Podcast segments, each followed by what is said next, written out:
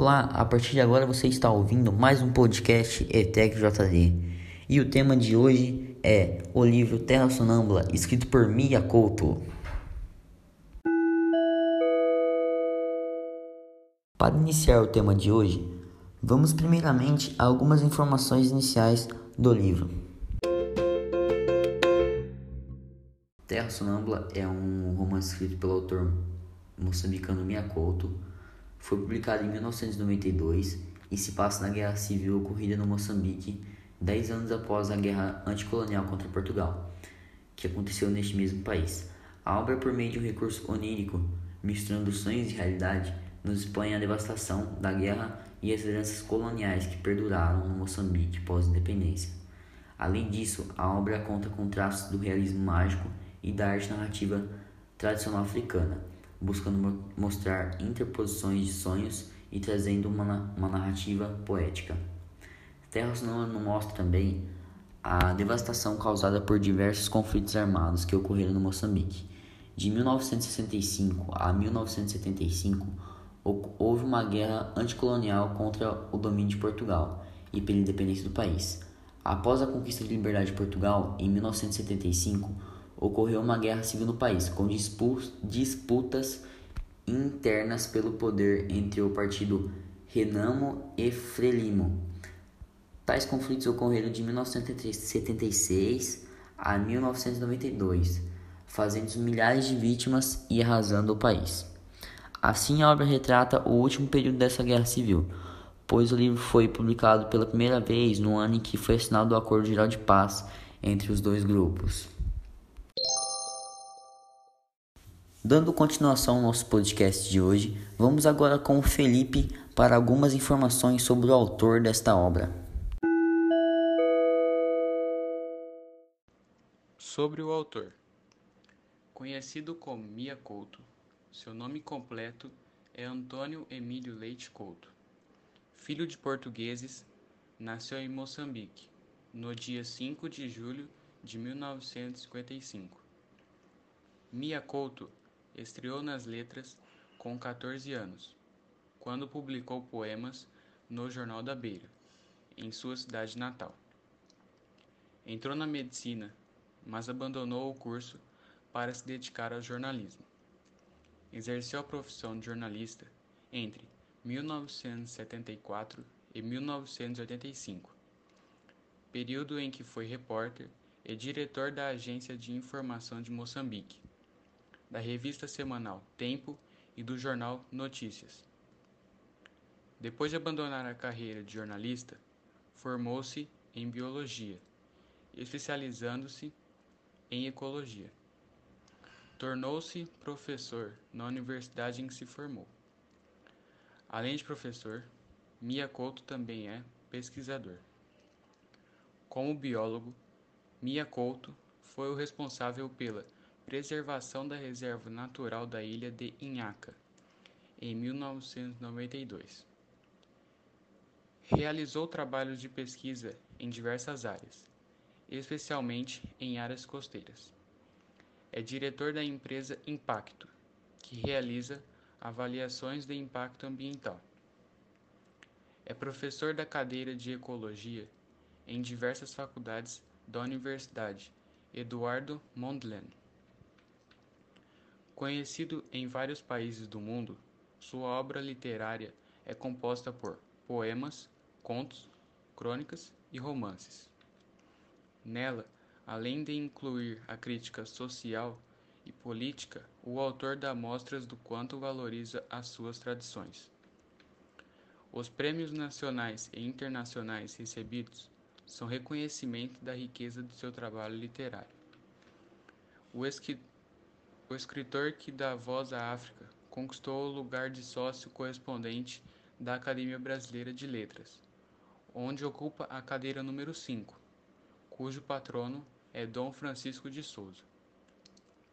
Ele também conquistou o Prêmio Nacional de Ficção da Associação de Escritores Moçambicanos, com o livro Terra Sonâmbula, em 1995. Agora que conhecemos um pouco sobre o autor, vamos de fato analisar a obra. Mas primeiramente, iremos conhecer um pouco sobre os personagens deste livro. Para falar dos personagens desse livro, teremos a participação de Giovanni. Personagens: Mandinga, protagonista da história, que perdeu a memória. Tuahir, velho sábio que guia Mandinga depois da guerra. Siqueleto, velho alto e último, sobrevivente de uma aldeia. Quindizo, menino morto que escreveu o seu diário. Taim, pai de Quindizo. Junito, irmão de Quindizo. Farida, mulher com quem Quindizo tem uma relação. Tinha Elzinha, tia de Farida. Dona Virgínia, portuguesa e mãe de consideração de Farida. Romão Pinto, português e de consideração de Farida.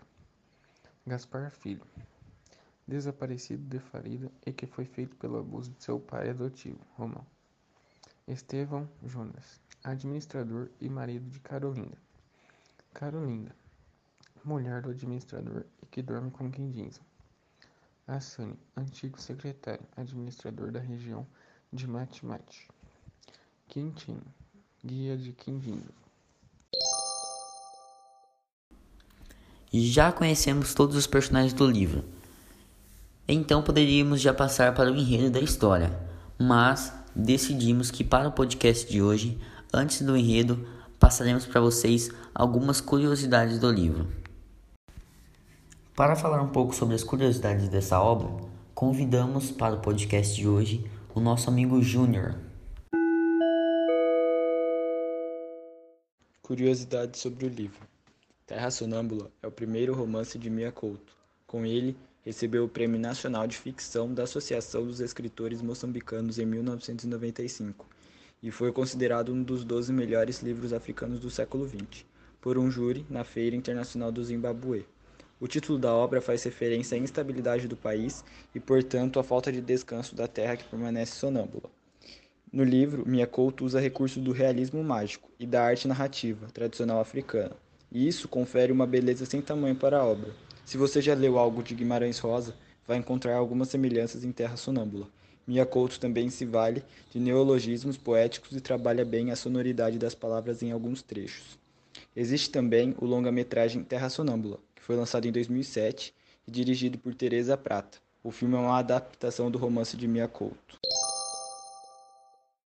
Após todas essas informações sobre o livro, vamos de fato agora falar sobre o enredo desta obra de Mia Couto. Antes de entrarmos no enredo da história, teremos um breve intervalo. Não saia daí, pois daqui a apenas 16 segundos voltaremos com o nosso podcast.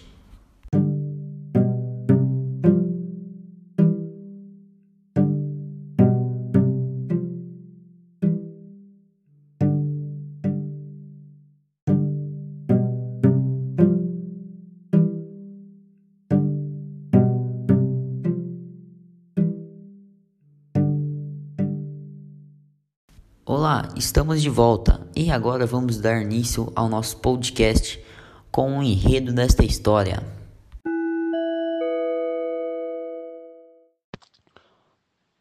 Muindinga é um menino que sofreu amnésia e tinha a esperança de encontrar seus pais.